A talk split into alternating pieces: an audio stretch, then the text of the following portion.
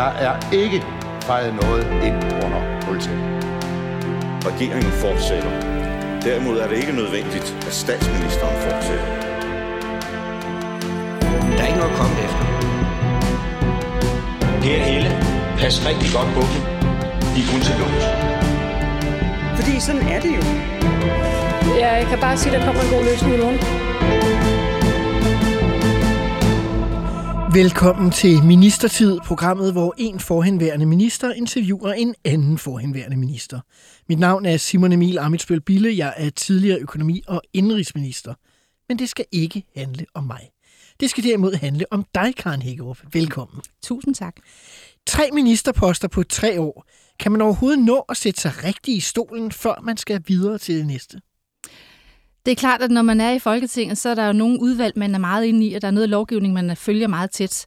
Men alle, der har prøvet at skifte arbejde, ved, at der går et års tid, hvor, hvor man er lidt rundt på gulvet, og så begynder tingene at vende igen, og så er det første, at man faktisk er rigtig ind i det. Så noget kommer man hurtigt ind i. Jeg vil sige, man har den fordel som minister, at når man bliver sat i stolen, så sætter sig de dygtigste embedsfolk i hele verden omkring en, og de bliver bare ved, indtil man har lært det. Så på den måde får man en turbo-uddannelse, men selvfølgelig er det meget.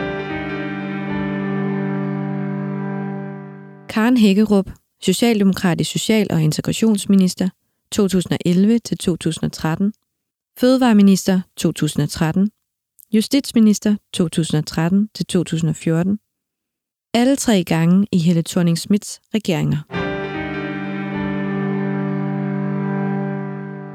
I 2011 generober Socialdemokratiet regeringsmagten efter 10 år med Anders Foghs og Lars Lykkes VK-regeringer.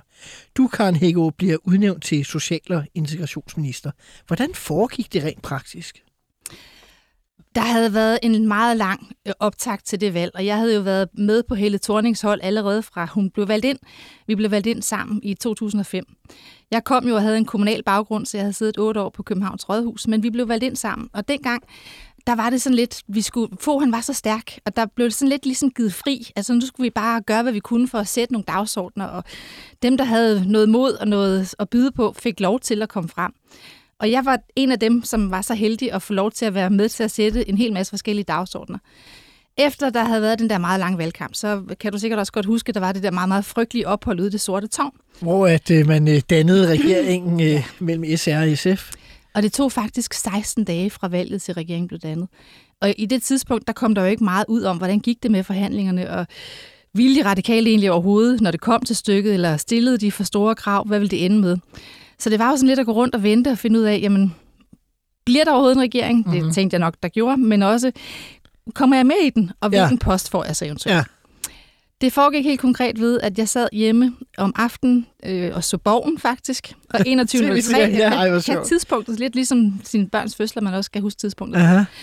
Der bliver jeg så ringet op øh, af Helle Thorning, som siger, at hun gerne vil have, at jeg skal være minister. Og så siger hun, at hun gerne vil have, at jeg skal være social- og integrationsminister. Og så sagde jeg til hende, det vil jeg ikke. For det første havde jeg jo lige set, at Mette Frederiksen var blevet socialminister, for det stod som breaking news på TV2. Okay. Og integrationsministeriet, det havde jeg ikke meget lyst til. Jeg havde tidligere også sagt nej til at være integrationsordfører, så det vidste hun godt. Aha. Ah, sagde hun så, bare rolig, jeg har pillet alt det onde over til Bødskov i Justitsministeriet, så du får kun ansvaret for at få det til at fungere. Og du skal jo ikke tro på alt, du ser i medierne. Mette skal slet ikke være socialminister, det skal du være. Og så blev jeg virkelig, virkelig glad, fordi det var jo noget af det, jeg havde arbejdet med i rigtig, rigtig mange år, og som jeg også virkelig drømte om, og som jeg kendte godt til. Mm-hmm. Så, så sådan, for, sådan foregik det første gang. Man bliver ringet op, og så stiller man næste dag, og så er man minister. Ja, så næste dag er man øh, minister og bliver... s- Der er en reception, jo, hvor der bliver givet øh, små gaver og den slags ting. Og lige ved at sige, hvordan blev du taget imod i ministeriet? For det første, så måtte de ringe efter mig, fordi jeg havde så travlt med at gå rundt og sige farvel til rengøringsdamerne og øh, alle mulige andre over i Folketinget, for jeg synes, at det var så også lidt mærkeligt, at jeg skulle forlade mit kontor. det Efter lige seks år? Ja, det skulle pakkes ned, og jeg havde sådan set været studenternedhjælp på Christiansborg hele siden 98, så jeg har, har været der i mange år. Ja. Men jeg kom derover, øhm, og så blev jeg taget imod og sad ned med min departementschef, som gennemgik, hvad det var for nogle forskellige ting, der var på lovprogrammet, og øh, satte mig ind i, hvad der var nogle områder, der var i huset, og alle de øh, svære sager, der var, der hvor der var behov for, at der blev taget hurtigt frem. Og så blev der simpelthen lagt sådan en plan for, hvordan jeg hurtigst muligt skulle komme rundt om alle tingene. Og Aha. så er det bare i gang 24 timer i døgnet. Og det tror jeg måske også er en overraskelse for mange, at selvom man tror, man ved, hvad socialområdet eller andre områder er, så kan der jo sagtens være hjørner i sådan et ministerium, som man slet ikke har forestillet sig, er en del af det arbejde, man skal have. Jo, men dengang der lå ældre øh, området også i Socialministeriet, Aha. Frivillighedsområdet, handicap, altså der er en hel masse tilskudsordninger, der er hele koblingen over til, hvordan det er med det kommunale system. Noget af det, som jeg jo havde arbejdet rigtig meget med. Så mange af tingene var jeg jo meget, meget vel inde i, allerede da jeg startede. Men adoptionssager og i øvrigt at sidde med, med ansvar for sager, hvor, hvor der var børn, der virkelig var blevet dårligt behandlet, mm-hmm. det havde jeg jo ikke prøvet på helt samme måde før. Nej. Havde du et politisk... Øh, altså, du vidste jo ikke, du skulle være socialminister, men havde du ligesom nogle ting, du tænkte, dem vil jeg gerne øh, prøve at få gennemført, mens jeg er socialminister? Ja, øh, jeg har tidligere, da jeg var i borgerrepræsentationen i København, også været formand for børne- og ungeudvalget. Det vil Mhm. sige, det udvalg, der tvangsfjerner børn. Og min mor var børnepsykolog, så jeg har været rigtig meget omkring det, både i mit private liv og i mit faglige liv, Mhm. med børn, der virkelig havde det skidt. Og hvis der var nogen, jeg synes, der havde brug for, at der var blev gjort en ekstra indsats for dem, så er det lige præcis de børn, der blev svigtet, både af deres forældre, men også af systemet. Og da jeg kom til, der var der havde Benedikte Kær lige været socialminister, og der var Konservativ? Ja, ja, der var så mange sager. Der var Brønderslev, der var Tønder, der var Esbjerg. De blev bare ved og ved og ved. Og nogle af de der meget grove misbrugs- og omsorgsvægtsager. Ja. Altså sager så ubegribeligt grusomme, at man næsten ikke kunne holde tårne tilbage, når man Ja. skulle sidde og læse på, hvad der Jeg har var. siddet og genoplæst noget af det her til, at du skulle komme Mm. mm. ind. Det er virkelig forfærdeligt, jo. Og det, der sådan ligesom slog hovedet på sømmet for mig, det var, da Esbjerg-sagen begyndte at rulle. Der var der 72 øh, indretninger, indberetninger. Altså 72 gange, hvor borgere eller fagpersoner havde taget fat i kommunen og sagt, vi er bekymrede, der sker noget her, der ikke skal ske, og alligevel var der ikke blevet handlet på det. Og det jeg så gjorde, det var, at jeg brugte i virkeligheden min kommunale erfaring. Øh, mm-hmm. Fordi min kommunale erfaring, den siger mig jo, at alle dem, der kommer ind og bliver valgt ind, uanset hvilket parti de bliver valgt ind for, så vil de gerne gøre en forskel. Mm-hmm. Og de vil gerne gøre det godt. Øh, så er der altid en, der sidder for bordenden, men folk kommer faktisk og stiller op, fordi det er noget på hjertet, og fordi de gerne vil bidrage. Og den tendens, der ligesom var dengang, det var, når der var en kommune, det var gået galt i, så stillede ministeren sig op, uanset hvem det var, og skældte ud og sagde, at det er for dårligt, og nu må de stramme op. Og jeg gjorde så det i stedet for, at jeg skrev et brev til alle kommunerne.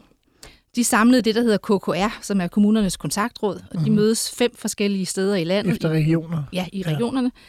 Og jeg inviterede mig selv på besøg. Og det havde de altså ikke prøvet før, at en minister inviterede sig selv på besøg og tog helt til Jylland og alle mulige andre steder for at komme ud til dem. Og så kom jeg ud til dem, og så sagde jeg, ved I hvad venner, det her det, her, det, er, for, det er for gralt, og det har stået på for længe.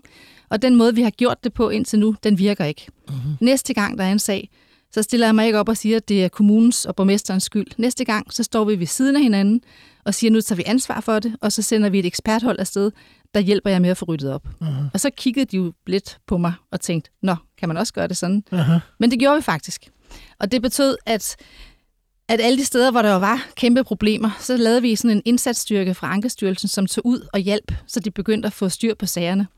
Og vi lavede blandt andet også børnehuse, og vi lavede et nyt system med, at når der kommer en indberetning vedrørende et barn, mm-hmm. så skal det altid vurderes inden for 24 timer, om der er et rødt flag, og det skal jo ikke gå til det samme sted i kommunen, så der ikke lige pludselig ligger en bekymringsskrivelse i en skuffe Ja. hos en, der er gået på barsel, og hos en, der er gået ned med stress. Lige præcis. Ja. Og det system fik vi lavet, og det virker.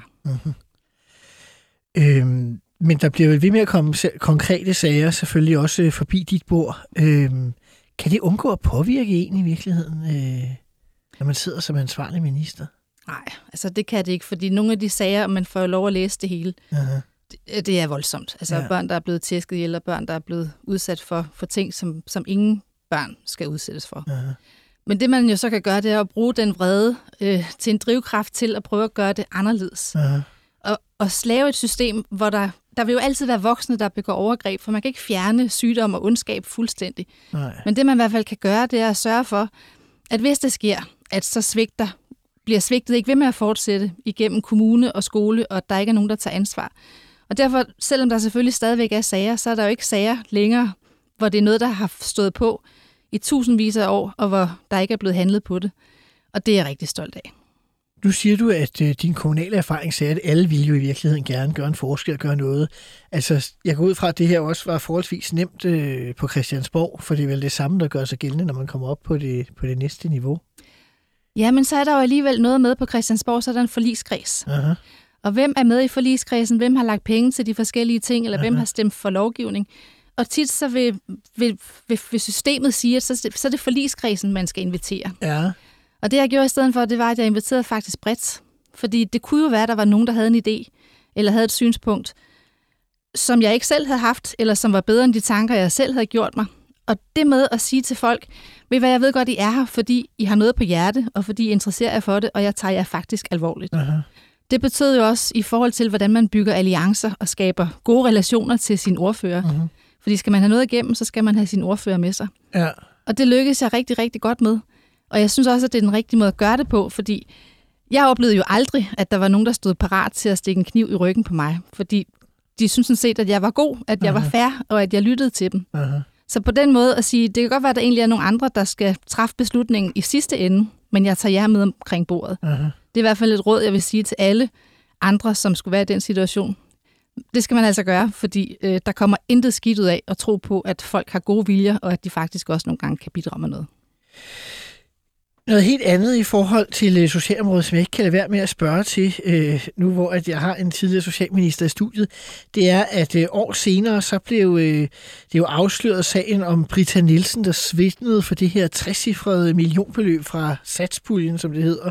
Altså den pulje, hvor man tager nogle øh, penge fra øh, overførselsindkomsterne, hvis de øh, altså fra den stigning, der skulle have været, for man ligger et loft over den stigningstaks, der er i forhold til prisudviklingen i samfundet som man så deler ud til nogle af de allersvageste grupper i samfundet. Øh, det er jo sket gennem en meget, meget lang årrække, også da du selv var socialminister. Er der noget, som du har tænkt over i den forbindelse, man kunne have gjort, man kunne have set, eller, eller tænker du, det, det var bare, som det var, det kunne man egentlig ikke have gjort noget ved? Det kunne man jo godt. Øh, det, man skal huske på omkring den sag, det var jo, at det var bedrageri. Og ligesom at der kan blive begået overgreb, så kan det også være bedrageri. Ja, Og det var jo Britta Nielsen selv, der sad og havde ansvaret for nogle af kontrolfunktionerne. ja, Så skal man selvfølgelig, når man opdager sådan noget her, gå ind og sørge for, at man har endnu flere auditfunktioner. aha, Men nogle gange kan systemerne også blive så rigide, og der skal være så meget kontrol, at man i virkeligheden også taber pusten. aha. Øh, Så det var altid sådan lidt en balance. Men det er klart, at den sag omkring øh, Britta Nielsen, den fik jo Øh, ja, hele systemet til at blive lavet om, og, og godt for det, fordi der må ikke være nogen, der har sådan en adgang til at kunne sidde og svindle. Men en grund til, at jeg spørger, det er også, at, øh, at man kan læse sig til, at Rigsrevisionen jo i virkeligheden kritiserede kontrolfunktionerne og, og, og den måde, de var organiseret på igennem ekstremt mange år øh, omkring lige præcis det her. Og det er ikke, der bliver egentlig ikke handlet særlig meget igennem nærmest 10 år øh, på det her, indtil det hele eksploderer. Jeg siger ikke, at, at det, så kunne man have klaret det. Det ved jeg jo ikke noget om.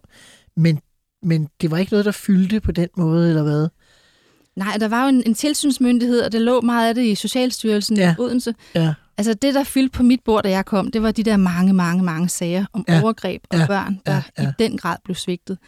Så var det adoptionssagerne, hvor Ja. det lige pludselig kom frem, at nogle af de børn, som vi havde modtaget til adoption fra Danmark, måske i virkeligheden ikke skulle have været frigivet til Det kan jeg adoption. sagtens huske. Jeg var ordfører på området, mens, øh, eller i hvert fald medhjælpende ordfører på området, mens du var minister. Og der var, en, der var en million milliard sager, som hver eneste dag havde røde flag og store brændende flammer, der kom op Ja, fra ja. sig. Så, så jeg, må, jeg må også sige, at jeg var ikke en af dem, der havde interesseret mig for, hvordan kontrolområdet på tilskudsområdet i satspuljen det var. Og jeg, men jeg havde heller ikke fået nogen viden om, at der var noget i vejen for det. Men jeg er da glad for, at der i dag er blevet ryddet op i det. Jeg kan fortælle dig, at øh, da sagen ligesom kom frem, der var jo økonomi- og indrigsminister, og der øh, var der en vittig, men alligevel alvorlig sjæl, der sagde i ministeriet, har vi egentlig nogensinde kontrolleret, at man ikke bare kan oprette en 99. kommune, der kunne få være en del af udligningssystemet?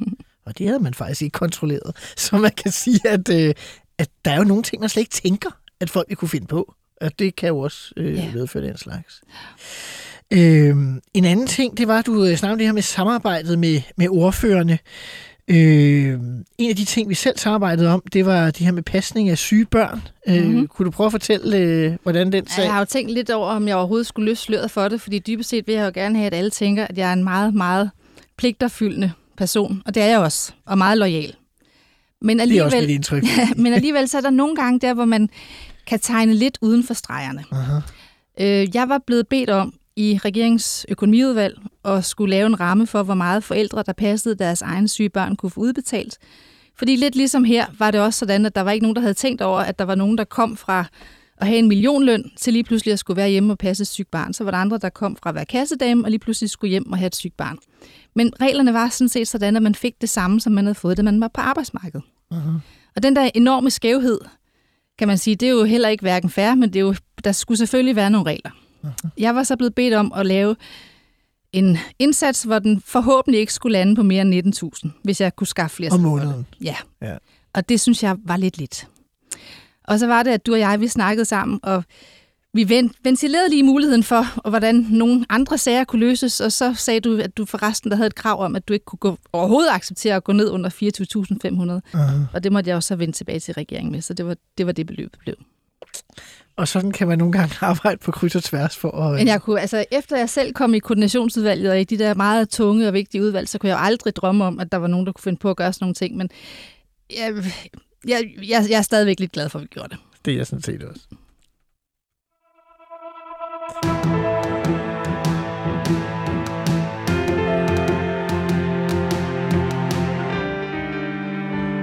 I 2013 bliver du overflyttet til Fødevareministeriet, hvor du afløser din partifælle Mette Gerskov.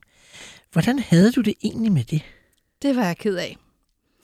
Det var jeg rigtig, rigtig ked af, fordi jeg havde jo næsten været socialminister i to år, og jeg havde brugt alle døgnets timer på at lave de her nye systemer med børnehuse, med nye tilsynsordninger, med alt det, der skulle laves. Så jeg følte ikke, at jeg var færdig, og jeg ville faktisk rigtig gerne være blevet i det. Jeg elskede mit ministerium og hele mm-hmm. området, og jeg synes, at vi var så godt i gang med at rydde op. Men sådan er det jo i politik. Så kommer der øh, nogle forandringer, og den her forandring betød så, at Helle Thorning måtte ringe til mig og sige, jeg bliver nødt til at flytte dig. Øh, du skal desværre over, eller ikke desværre, du skal over være fødevare, landbrug og fiskeriminister, for Annette Wilhelmsen skal have din post. Hun var jo på det på daværende tidspunkt blevet formand for SF, og det var mhm. ikke gået helt så godt i Erhvervsministeriet. Det tror jeg godt, jeg kan sige, uden at afsløre nogle hemmeligheder. Så hun skulle have Socialministeriet. Og jeg var, jeg var vidderlig ked af det. Øhm, jeg skrev en tale om aften der, fordi jeg ville jo gerne takke alle mine medarbejdere. Jeg ville gerne nævne det hele, og jeg kunne nærmest ikke sove. Så da vi stod der om morgenen og skulle lave den der overdragelse, som du også talte om lige før, så kunne jeg bare ikke holde tårne tilbage. Nej. Og de trillede og trillede og trillede. Så kom jeg over i mit nye ministerium og bliver modtaget af min departementchef, som siger, Nå, for søren, ja, du skal nok lige tørre øjnene og gå hjem og tage lidt rødvin, og så, så kan du jo tænke over, hvilken slags minister du gerne vil være. Vi har masser af muligheder her. Vil du være madens minister, eller øh, det grønnes minister, eller hvad vil du være? Og så sagde jeg til ham, ved du hvad, det er simpelthen så nemt, for nu har jeg været minister for alle dem, der havde det rigtig, rigtig svært. Nu vil jeg gerne være minister for dem, der tjener pengene, så vi har råd til at give den velfærd og den indsats, som de mennesker har brug for. Aha. Jeg vil selvfølgelig være erhvervsminister. Aha. Så slog han hænderne sammen og sagde, nej, hvor sjovt, det er længe siden, vi har haft sådan en. Vi har da heldigvis nogle gode ting liggende i skuffen. Vi laver en plan, og i øvrigt kommer du ind alle ugens fem dage. Og så kiggede jeg sådan fuldstændig vantro. Og det er jo, fordi fødevareministerne typisk er nogen, der har været valgt i det jyske. Ah. Og de passer jo både deres græs og alt muligt andet om mandagen. Og så er der jo rigtig, rigtig, rigtig mange ture og besøg rundt på virksomheder og hos landmænd og alt, alt muligt andet. Ja. Men der var et helt andet arbejdstryk i det ministerium. Det må man bare sige, hvor jeg gik fra at sidde og læse om sager med børn, der var blevet mishandlet og var blevet udsat for de værste ting, så fik jeg lige pludselig mulighed for at komme ind i et ministerium, hvor der var så meget innovation, så meget fokus på bæredygtighed, så mange helt vildt spændende og interessante mennesker, og hvor der ikke var nogen, der græd, eller hvor, hvor, hvor det kun var krise. Og det, jeg var der for, det var sådan set for at prøve at skabe nogle endnu bedre forhold for, for produktionsdanmark og for landmændene. Og Aha. det fik landmændene jo også øjnene op for, for de kunne også godt huske, at det var længe siden, der var en, der havde kigget sådan på dem. Hvad blev de vigtigste sager? Du var der jo ikke så længe, hvis vi nu skal, skal sige det som det er. For at være helt ærlig, så tror jeg, det blev til 125 dage. Aha. Øh, der var noget, der hedder, der noget, der hedder krydsoverensstemmelser, som er, hvordan man bliver ramt af forskellige EU-regulering på sin tilskud. Aha. Der var ud, udrulling af nogle vandplaner, som var noget af det. Og jeg vil bare sige, Ida Augen, som var miljøminister, og jeg, vi mødtes på det her tidspunkt hele tiden, fordi mit ministerium var jo selvfølgelig bag mig og i ryggen på, at vi skulle lave nogle ting, der var gode for erhvervet.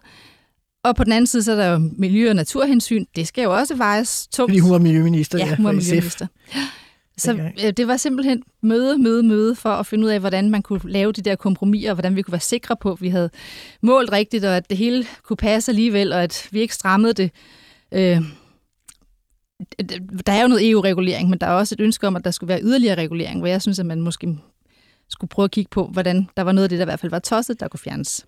Men var det præget af, kan man sige, var fra hver jeres parti, men I sad jo også i hver jeres øh, ministerium og system. Altså, Det var- overtog I i virkeligheden ministeriekulturen hver især, eller var der også en partikonflikt i det? Der var en partikonflikt, og der var en konflikt imellem ministerierne, og der var total åben frontkrig, for nu at sige det sådan. Uh-huh. Og nu skal jeg lige nævne, at jeg her til juni måned skal til sommerfest hjemme hos Ida Augen, fordi privat er jeg faktisk rigtig, rigtig glad for Ida. Hun er et ufatteligt betænksomt menneske, som jeg virkelig holder meget af. Men lige der, der var det bare øh, som at forestille sig, at vi havde rettet kanonerne ind mod hinanden. Vores to ministerier lå også lige over for hinanden, Uh-huh. nede på, på Slottsholmen. Ja. Og den dag, hvor jeg forlod ministeriet efter de famøse 125 dage, der var der flag i vinduet over i Miljøministeriet, for ligesom at hilse mig held og lykke på vejen. Det må alligevel have været en hård hilsen at modtage. Ah, det var da sjovt. Du synes kun, det var sjovt. Ja.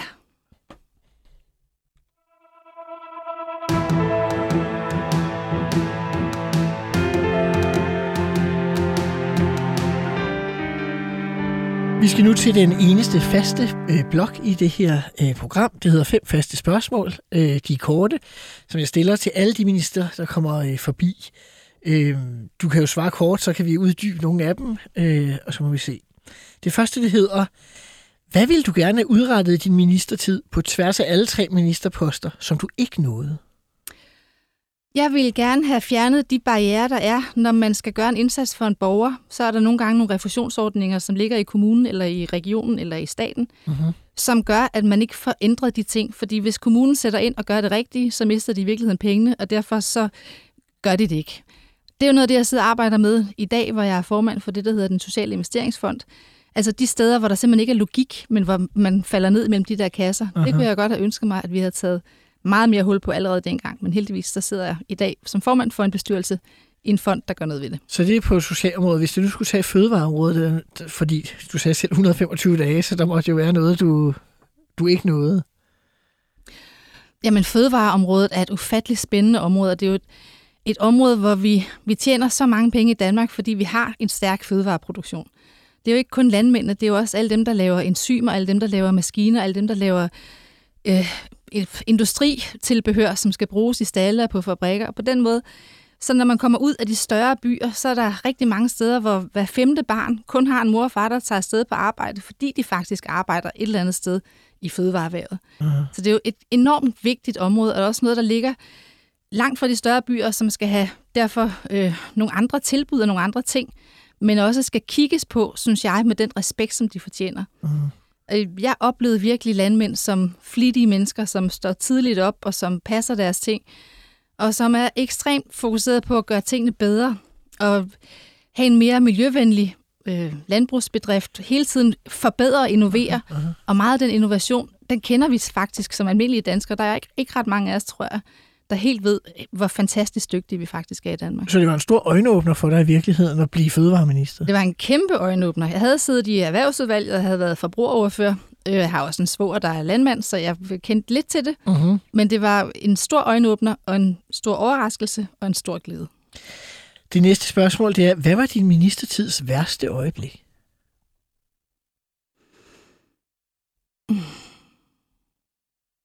Det ved jeg simpelthen ikke. Har du et bud? Jeg har et bud. Øh, det, det kunne være, at du blev fjernet som socialminister i virkeligheden. Det havde jeg egentlig tænkt, at det måske var.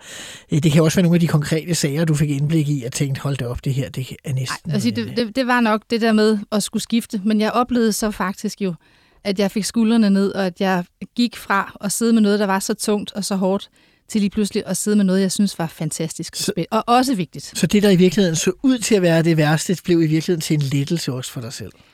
Og sådan er det jo, hvad man siger, når her lukker en øh, dør, så åbner han et vindue. Og rigtig tit, så kommer der jo noget krise, eller noget udvikling ud af en krise, og det gælder jo om at få det bedste ud af det. Og når nu forholdene var, som de var, så blev jeg faktisk ufattelig glad for det. Er der noget for din ministertid, du er over? Mm. Altså, det synes jeg også er svært at svare på. Mm. Hvad skal jeg være flov over? Mm. Det kan måske hænge sammen med næste spørgsmål, ja. som hedder, hvad er den største revokage, du har lavet? Du mm. nævnte en, vi selv lige havde været lidt inde på, men er det...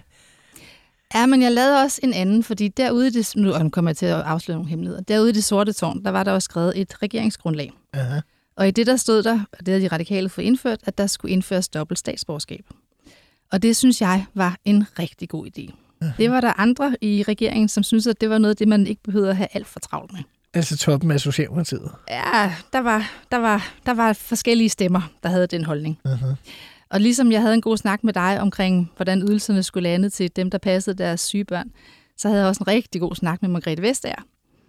Og dobbelt statsborgerskab blev indført, og det er noget af det, som jeg er ufattelig stolt af, fordi det betyder så meget for danskere, som bor i udlandet, at de stadigvæk kan få lov til at have den tilknytning til Danmark, at deres børn nemmere kan få lov at komme tilbage. Og, og jeg synes bare, det gav så meget mening. Ja. Men der var mange, også i særdeleshed fra sådan højrefløjspartierne, som siger, man kan jo heller ikke have to kærester. Du kan ikke elske to lande. Du bliver nødt til at høre til et sted. Lige indtil, at jeg så også fik fortalt, at hvis man har to statsborgerskaber, så kan man jo også få frataget det ene. Aha, så var der jo nogen, der alligevel også kunne se, at der var noget fidus i det, for der, så var der jo nogen, man kunne slippe af med på den måde. Jeg kan huske, vi i Liberale Alliance var meget begejstrede, fordi vi var jo faktisk nogle af de første, som gik ind for dobbelt statsborgerskab og gjorde meget ud af det, og som var meget underligt den der borgerlige familie, hvor de andre borgerlige partier sådan bare holdt øh, syv kors foran sig og overhovedet ikke ville høre tale om det. Ikke? Så, men det kom lige så langsomt, og det var fedt, at det, det blev gennemført. Øh, hvem var din værste kollega på borgen? Uh, min værste kollega? Jamen, jeg, jeg tror egentlig, jeg har det sådan, at der er rigtig mange af de mennesker, som jeg var kolleger med, som jeg godt kan lide. Mm-hmm. Og det er uanset, hvad parti de har været valgt ind for. Mm-hmm. Øh, jeg, der er nogle gange nogen, der sådan spørger, hvordan kan man overhovedet være venner på tværs? Men hvis man ligesom godt ved, at den ene er socialdemokrat, og den anden er venstremand eller DF, og så står man jo ikke og prøver at overbevise hinanden. Så finder man ud af, hvorhen er der så nogle hjørner, mm-hmm. vi kan have noget, der hvor vi ser ens på noget, eller noget andet, vi kan have personligt sådan sammen. Mm-hmm. Men min værste, hvem jeg var mest træt af, Mm. åh, det ved du hvad, jeg har simpelthen sådan en evne til at fortrænge, så det kan jeg simpelthen ikke rigtig huske. Jeg kan også øh, spørge på en anden måde. Var der nogen, der skuffede dig i forbindelse med forhandlinger eller aftaler eller andre ting? Der var, da jeg var justitsminister, der var der en sag om en tyrkisk pige, som hed Songül Uh-huh. fra Køge. Hun var gymnasieelev, mønsterelev, og hun stod til at skulle udvises. Uh-huh. Det var der selvfølgelig, som der er med mange af de der enkeltsager, så var der jo meget polemik omkring det. Uh-huh. Og det, der så sker, det er, at Inger Støjberg, som jeg faktisk også godt kan lide, nu kommer jeg også til at afsløre det, men hun får så sagt, at men hun synes faktisk, at man har fået tolket reglerne for firkantet. Uh-huh. Men de var ikke tolket firkantet, de var tolket præcis, som de var. Men jeg brugte det der halmstrå med, at hun havde sagt, at reglerne var fortolket for firkantet til at lige indkalde partierne og sige, de her børn, der er kommet i klemme, hvor der var kommet nye familiesammenføringsregler i 12, og der var nogen, der havde søgt og var blevet fået behandlet deres sager fra tidligere, fra inden loven blev lavet om. Altså for dengang de borgerlige havde haft regeringsansvar. Og det var sådan set de borgerlige selv, der lavede det her om, men der var så nogen, der havde fået afslag på at blive her, men så var blevet her alligevel. Uh-huh. Blandt andet den her meget, meget søde og dygtige gymnasiepige, hvor hele køen nu stod og græd over, at hun skulle udvises, og hun taler flydende dansk, og hun havde jo ingen, ingen tilknytning til nogen i Tyrkiet, så det var sådan lidt svært at se, hvad hun egentlig skulle dernede for. Uh-huh. Så fik jeg samlet folk sammen, og det viste sig så også, at alle undtagen DF ville gerne være med til at lave det om. Lige indtil tredje behandling, der må jeg også sige, der var dit eget parti, Liberal Alliance, og Venstre og Dansk Folkeparti endte sig med at stemme imod. Og det var jo fordi, Det at det galt om dengang at tælle udlændingelempelser. Fordi hvis der var noget, de borgerlige gik op i, så var det at sige, hvor mange gange der var blevet lempet på udlændingereglerne. Det var den helt store slagmagt, det var udlændingepolitikken. Så jeg fik ændret reglerne, Sundgyld og de 30 andre elever og unge mennesker fik lov at blive, men Som jeg husker det, stemte Liberale Alliance nu imod af andre årsager end øh, Venstre og Dansk Folkeparti. Hvis noget med, at vi ville have lavet nogle mere generelle regler. Vi Ja. synes lidt, det havde undtagelsens karakter, hvis jeg skal, skal, skal være færre over for os selv.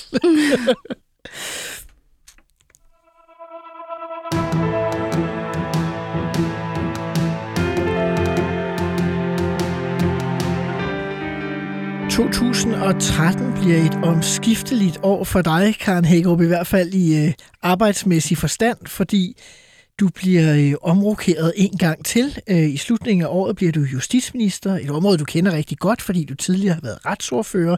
Vi har faktisk været kolleger på den øh, post. Du kommer lidt pludselig til efter, at øh, din forgænger Morten Bødskov er blevet fjernet af enhedslisten efter sagen om nødløgnen i forbindelse med sagen om aflysning af Folketingets retsudvalgs planlagte besøg på Christiania. Hvor ramt var ministeriet egentlig af den sag, øh, da du sætter dig i ministerstolen? Øh, det var et ministerium, der var i fuldstændig chok. Men jeg vil starte med egentlig at fortælle historien, for nu spurgte du før, hvordan det gik til, da jeg blev minister. Uh-huh. Og jeg kan jo godt afsløre, ligesom jeg græd, da jeg blev fødevareminister, så var jeg jo egentlig også noget at blive glad for det. Men jeg følte mig også lidt degraderet, fordi jeg, jeg, jeg var blevet fjernet for noget, jeg gerne ville. Uh-huh. Så da Helle Thorning hun ringer og siger, at jeg skal komme til møde over i statsministeriet, så vidste jeg jo godt lidt, hvad klokken havde slået. Okay, det for, så det foregik øh, mere sådan personligt øh, Ja, ja. møde end bare en telefonsamtale? nej, hun bad mig om at komme over, og det gjorde hun, fordi at hun ville bare sige, hun vidste jo godt, at jeg havde grædt lidt rigeligt der sidst, så hun ville bare spørge, inden hun udnævnte mig, om, om jeg var interesseret i det, for hun ville rigtig gerne have mig på justitsministerposten. Og som du lige selv sagde, så havde jeg jo siddet med ansvaret for det område i mange, mange år, så der kendte jeg det jo ind og ud af alle aftaler og forlig, jeg havde været med i. Og så tænkte jeg, yes, oprejsning efter, at jeg synes, at jeg var hed lidt ned der. Og så begyndte min hverdag ellers i Justitsministeriet, som dengang, der må man så også lige igen huske at sige, så fik jeg også, altså også integrationsområdet med. Ikke kun det der med at få det til at fungere ude i kommunerne, men også med de konkrete Som udvisninger. du havde sagt nej til øh, nogle år forinden. Snakkede I om det i forbindelse med samtalen med Thorning? Ja, men altså, det var, jo, det var jo som det er, og der er jo en, der skal have den, men det er en ufattelig svær post, fordi der skal jo være regler for, hvordan man kan få lov til at komme ind i Danmark, og hvor- hvordan man kan få lov til at være her. Men der er altid nogen, der er lige på den anden side. Men det er altså ministeren selv, der skal sidde og skrive under, når de skal ud og hente nogen, der skal tvangsudsendes, og det er ikke sjovt. Nej. Nej. Jeg vil gerne lige vende tilbage til det med, øh, hvor ramt ministeriet egentlig var, mm-hmm. øh, Mhm. da du satte dig, øh, efter at have afløst øh, Bødskov oven på, øh, på nødløgnssagen. Øh, kan du prøve at sætte nogle ord på det? Normalt, når man kommer ind i et ministerium, så bliver man jo modtaget af sin departementchef. Min departementchef var blevet sendt hjem, fordi der skulle laves en tjenestelig undersøgelse. Og det var der også andre øh, ledende figurer i Justitsministeriet, der var. Man kunne så ikke rigtig udpege nogen internt, for de var jo inhabile alle sammen, så jeg fik udpeget nogle andre fra Moderniseringsstyrelsen, som jeg så gik fra Justitsministeriet hen og satte mig på stengangen i Finansministeriet og sad og holdt møder med dem om, hvordan jeg skulle håndtere situationen i Justitsministeriet. Der var jo nogen, der syntes, at det var helt forfærdeligt urimeligt, hvad der var sket, og der var andre, der syntes, at det var godt, at der var blevet gjort noget ved det.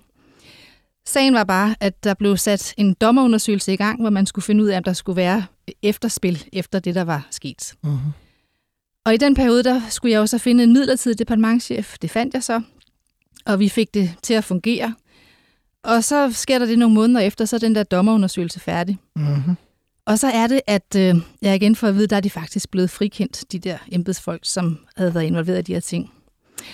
Og der tror jeg nok, at der var et citat, der blev skrevet i en avisartikel, øh, som jeg ikke selv skal være helt afvisende over for, om der er nogen, der har hjulpet med at få ind i den artikel, hvor der stod, at der i hvert fald stadigvæk var et mærke i bordet over i Finansministeriet, hvor min kæbe var ramlet ned, da konklusionen ligesom var kommet frem Mhm. mm-hmm. til, at der ikke var noget at gøre. Og så skulle jeg jo have dem tilbage igen. Dem, Ja. der havde været sendt afsted. Ja, ja. Og det snakkede jeg selvfølgelig meget både med statsministeriet og ministeren og statsministeriets departementchef om. Uh-huh.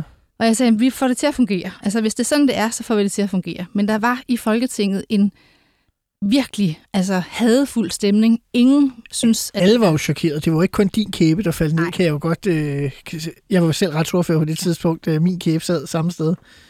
Men nu gjorde jeg det, at jeg sagde, nu er det, nu er det så sådan, det er. Og så tog jeg min på daværende tidspunkt så tilbagekommende departementchef ind og sagde, nu finder vi ud af det. Du skal ikke vise dig over i Folketinget. Vi skal sørge for at invitere partierne over en af gangen, og du skal sige til dem, at du er ked af det forløb, der har været, og vi snakker det igennem, og så finder vi ud af det sammen. Nu synes jeg jo ligesom, nu var det mit ansvar også at passe på hende og passe på ministeriet, når nu at dommernes konklusion var, som den var. Uh-huh. Og det fik jeg sådan set til at fungere. Og så fik vi lavet hele kommissoriet for, hvordan man skulle se på nødløgnsbegrebet, og hvad der skulle gøres ved det. Mhm. Og det er jeg ikke ked af, at det blev til noget. Det forstår jeg godt, og man, man kan sige, at din afløser på justitsministerposten, den nuværende statsminister Mette Frederiksen, hun øh, får jo på en eller anden måde i hvert fald øh, en ny øh, departementschef i Justitsministeriet ikke så lang tid efter.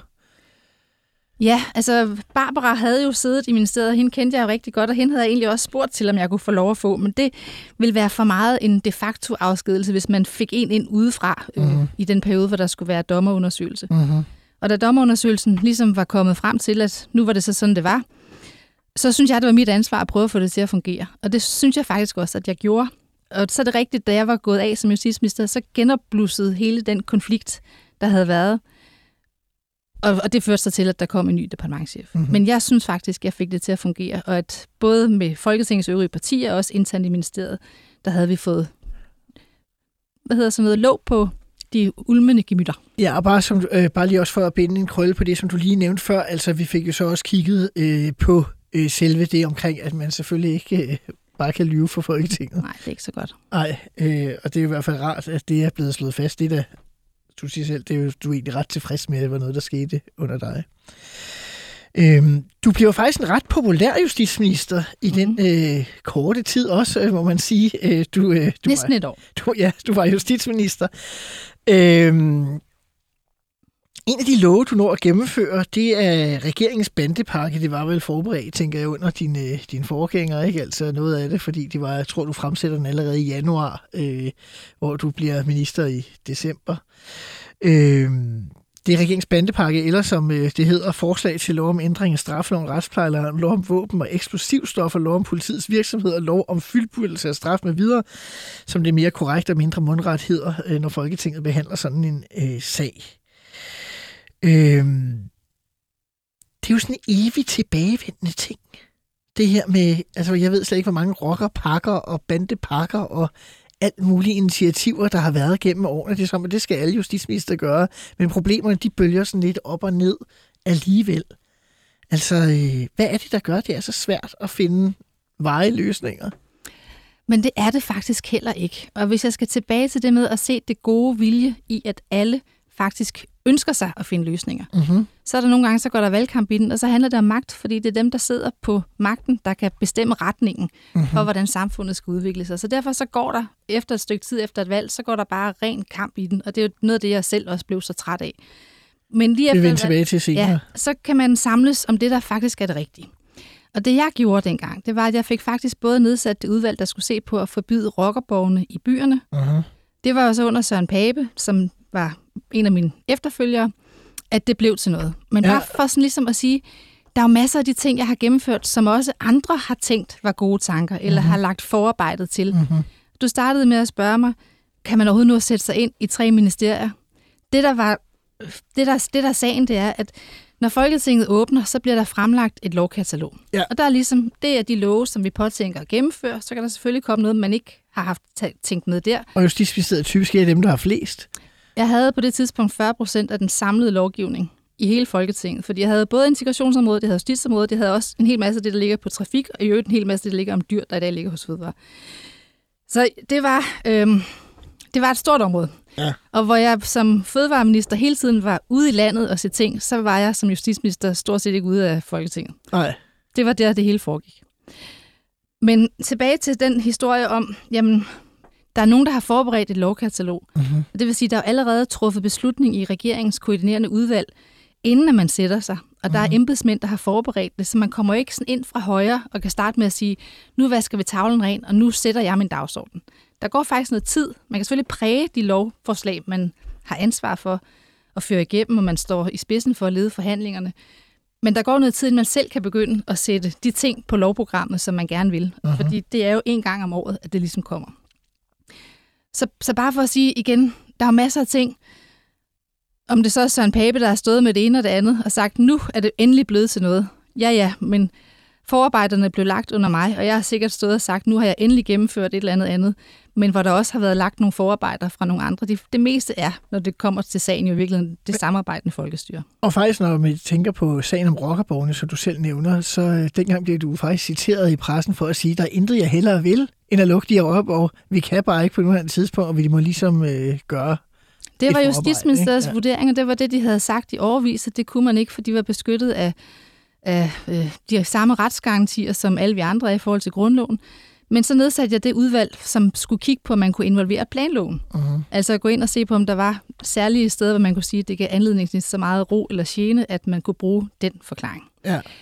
Der var også omkring rockerne, der indførte vi dobbeltstraf. Jeg tror, det er det lovforslag, du læste op før.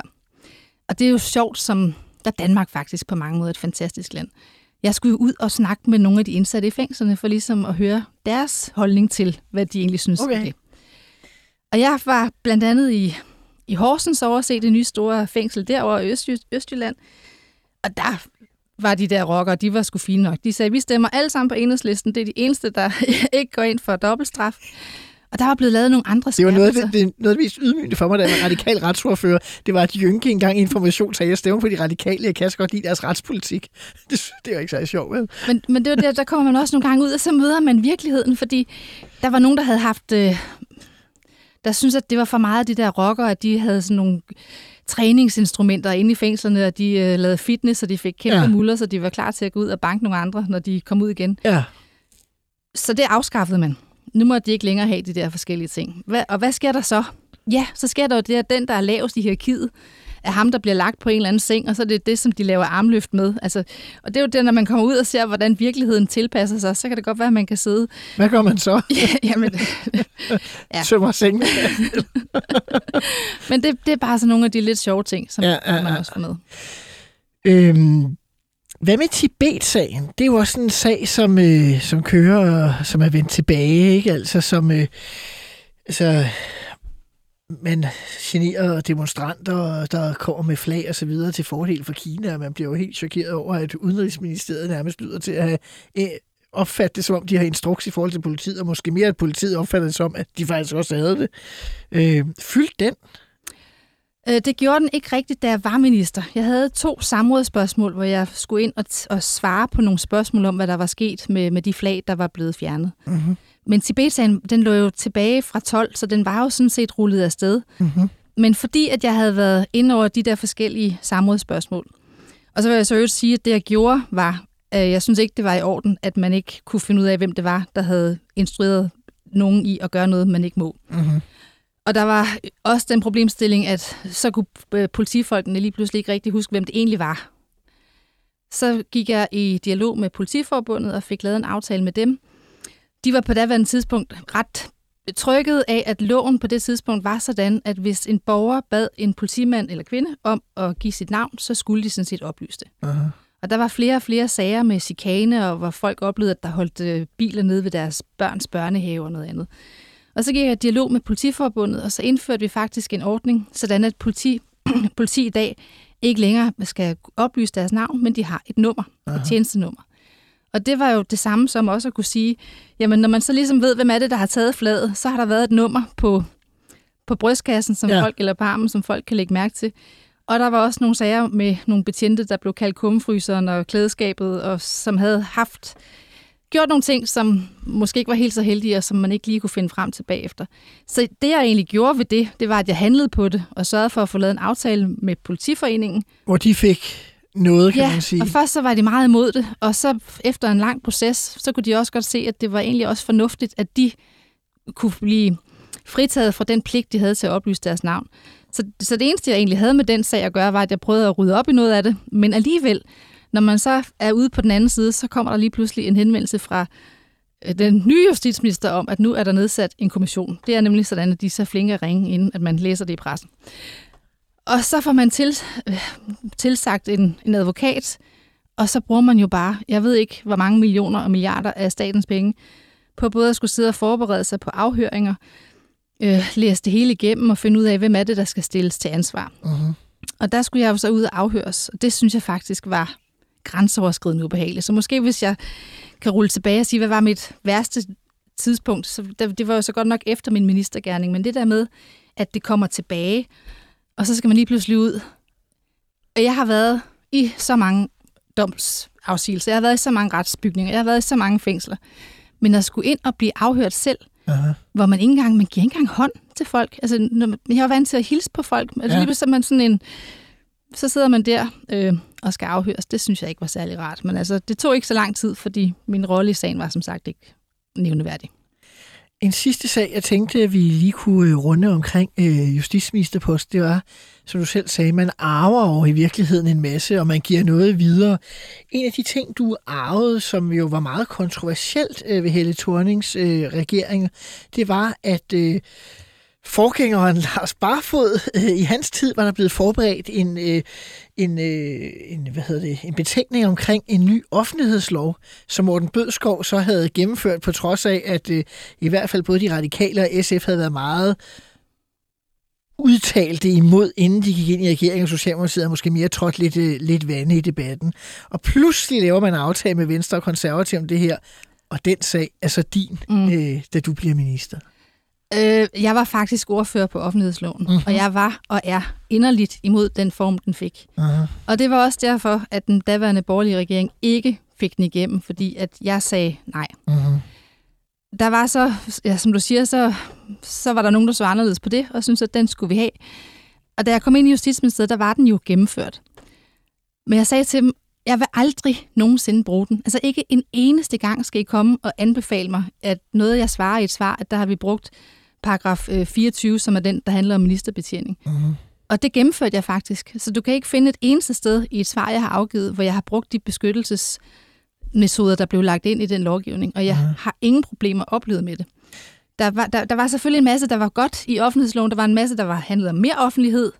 Men der var også nogle af de der ting, hvor jeg synes, at der blev, det blev muligt at tage for meget gennemsigtighed væk. Uh-huh. Og jeg brugte den aldrig selv, og det er måske nok også noget, det jeg øh, klapper mig selv lidt på skulderen over. Jeg var selv også øh, ordfører på sagen, og har gået meget op i den, øh, i den altid.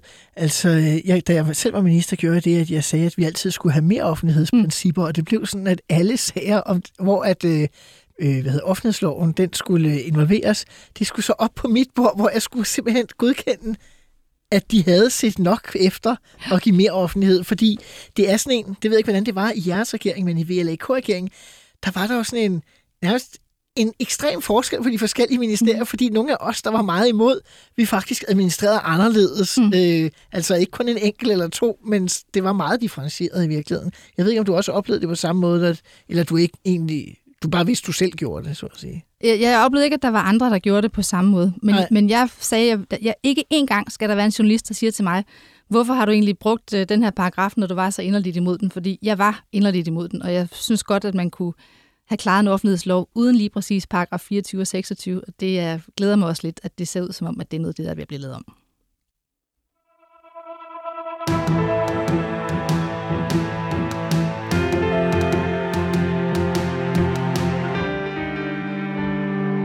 Set med offentlighedens øjne forlader du i 2014 meget pludseligt politik. Du har været et par perioder i øh, borgerrepræsentationen i København. Du har siddet ni år i Folketinget. Du har haft tre forskellige ministerposter. Du er en af de mest, om ikke den mest populære minister i regeringen. Og pludselig øh, skal du være ansat i det, som mange vel betragter som Venstres organisation, nemlig Landbrug og Fødevare. Hvad skete der egentlig øh, for Karen Hækkerup der? Jamen, der skete det, at jeg fik en, et opkald fra Martin Merrild, som var daværende formand for Landbrug og Fødevare, og som sagde, at det var jo ikke længe, det haft fornøjelsen af mig som fødevare- og landbrugsminister. Men jeg havde alligevel gjort så godt et indtryk, at nu hvor de stod og skulle have en ny direktør, så ville de egentlig spørge, om ikke det var noget, vi skulle snakke om. Det er helt vildt, de overvejer at spørge landets justitsminister om det. Ja. Og, og det er selvfølgelig også lidt vildt. Og, jeg, jeg, og det er jo noget af det, som jeg i hvert fald efterfølgende tænker, at jeg er blevet dømt meget på, at, at folk siger, kan man virkelig være det bekendt og hoppe fra en ministerpost? Men på daværende tidspunkt havde jeg gjort op, at jeg, det skulle ikke være noget, der skulle blive ved. Øhm, jeg ville selvfølgelig gerne have gjort valgperioden færdig, og så begyndt at søge ud. Og, men det der job var bare sådan et drømmejob, og hvor jeg tænkte, hvis jeg siger nej nu, så er det der jo ikke. Mm-hmm. Så jeg ender med at lave aftalen om, at det er det, jeg skal, og så tager jeg jo til øh, afsted til, til EU-møder, øh, ringer til Helle Thorning og siger... Fra Bruxelles? Nej, nej, det, Nå. det var dagen. Jeg ringer til Helle Thorning, og så siger, nu skal du høre, Helle, der er sket det, og jeg er sgu ked af, at jeg skulle sige det til dig, men jeg har fået et nyt job. Og så blev det bare helt stille. Og så sagde hun, øh, hvornår melder du det ud? Og så sagde jeg, det gør jeg ikke, det gør du, når du er klar. Så sagde hun tak. Og så sagde, hun, eller så sagde jeg til hende, og heldigvis så er det sådan, at jeg skal til øh, EU-møde i morgen, så jeg har slet ikke tid til at være i nærheden, hvis der var nogen, der skulle spørge om noget. Så afsted med mig øh, Mhm. og passe mine EU-gerninger. Og jeg var jo i tv, både i sexpressen, i syvpressen, altså i nærmest klokkevis rundt med alle mulige sager. Og samtidig med det, så var der ved at være åbning af Folketinget i, i Danmark. Og hvor Helle, hun havde Mette Frederiksen inde til samtaler og skulle have lavet den der kabale, der skulle til at gå op. Ja. Og så begyndte rygtet jo ligesom at køre, at der, at der skulle ske noget. Det skulle være en rokade. Ja, men det var Helle selv, der skulle melde det ud, og det var hende, der skulle have det på plads. Og det, det der med at være ordentlig, det synes jeg faktisk er noget af det, der er allervigtigst at være som menneske. Mm-hmm. Du har udtalt, øh, at du var mæt af politik. Jeg var, jeg var mæt af taktikken omkring det. Fordi ligesom at jeg er af den opfattelse, at de fleste går ind i politik, fordi de gerne vil være med til at gøre en forskel. Og der er også lige efter et, et valg er en tid, hvor man faktisk samarbejder. Så går der også sådan noget mudderkastning i den. Uh-huh. Når man sidder og man har set et problem, og man kan egentlig også godt se, hvad løsningen er, men så ved man, at man skal 10 samråd igennem og fem forspørgselsdebatter. Og det handler ikke om, at der er nogen, der gerne vil gøre det bedre. Det handler om, at de skal øh, ødelægge det, eller markere sig, eller slide ministeren ned. Og sådan er spillet, fordi det handler om magt. Mm. Men det er bare også opslidende. Og da jeg kom ud af det, og kom hen et sted, hvor folk er der, sådan set også jo med god vilje og gerne vil noget, men hvor man er på samme hold, hvor alle bygger op, uh-huh. og hvor alle gør hinanden stærkere. Det gav simpelthen så stor en tilfredshed og så stor en glæde at komme ud af det der magtrum. Selvom jeg også elsker magt, så er det, så er det bare også enormt sådan givende at få lov til at bygge noget op, uden at der hele tiden står nogen og prøver at sparke det ned. Du talte flere gange i løbet af udsendelsen omkring det her med de koordinerende udvalg. Der er det, der hedder koordinationsudvalget, som jo i virkeligheden er en form for indre kabinet i danske regeringer i dag. Det er folk måske ikke så opmærksom på, men det er sådan, det er. Du ender vel også med selv at komme, øh, komme op i, i toppen. Øh, bliver det også slidsomt at sidde og skulle tage nogle af de der diskussioner i, i koordinationsudvalget mellem regeringspartierne? Er det også med til at, at slide dig? Altså, nej, nu skal man jo heller ikke øh, sladre alt for meget, slet ikke om, hvad der sker der, men jeg tror ikke, det er nogen hemmelighed, at det pres, de radikale på det tidspunkt havde til, hvad der skulle ske og ikke skulle ske på dagpengene, eller hvad der i øvrigt var af andre sådan særlig vigtige ting, uh-huh. der kunne stemningen jo godt nogle gange være sådan, at det var som at sidde i en fryser, altså med fuldstændig isnende kulde. Det sled mig ikke op. Øh, det var, det var sådan, det var. Og der var en masse af tingene, jeg endte med at tage på et tidspunkt med Helle og Margrethe Vestager uden nogle af de andre, fordi der var nogle af de andre, der simpelthen syntes, at nu havde de lyttet nok til det. Uh-huh. Det sled mig ikke op, men vi, vi fandt løsninger, men jeg var omvendt også glad for at få lov at komme ud og kunne få lov til at bygge noget op. Og jeg var glad for, at da jeg ringede til Helle og sagde, at jeg skulle være direktør i Landbrug Fødevare, at hun så sagde, så kan vi altså ikke være så elendige som regering. Tænk så, når de kan bruge en socialdemokrat. Ja, og øh, det leder mig hen til måske et af de sidste spørgsmål, nemlig at øh, du har forladt politik, du er midt af det, træt af taktikken, siger du, og spillet omkring det.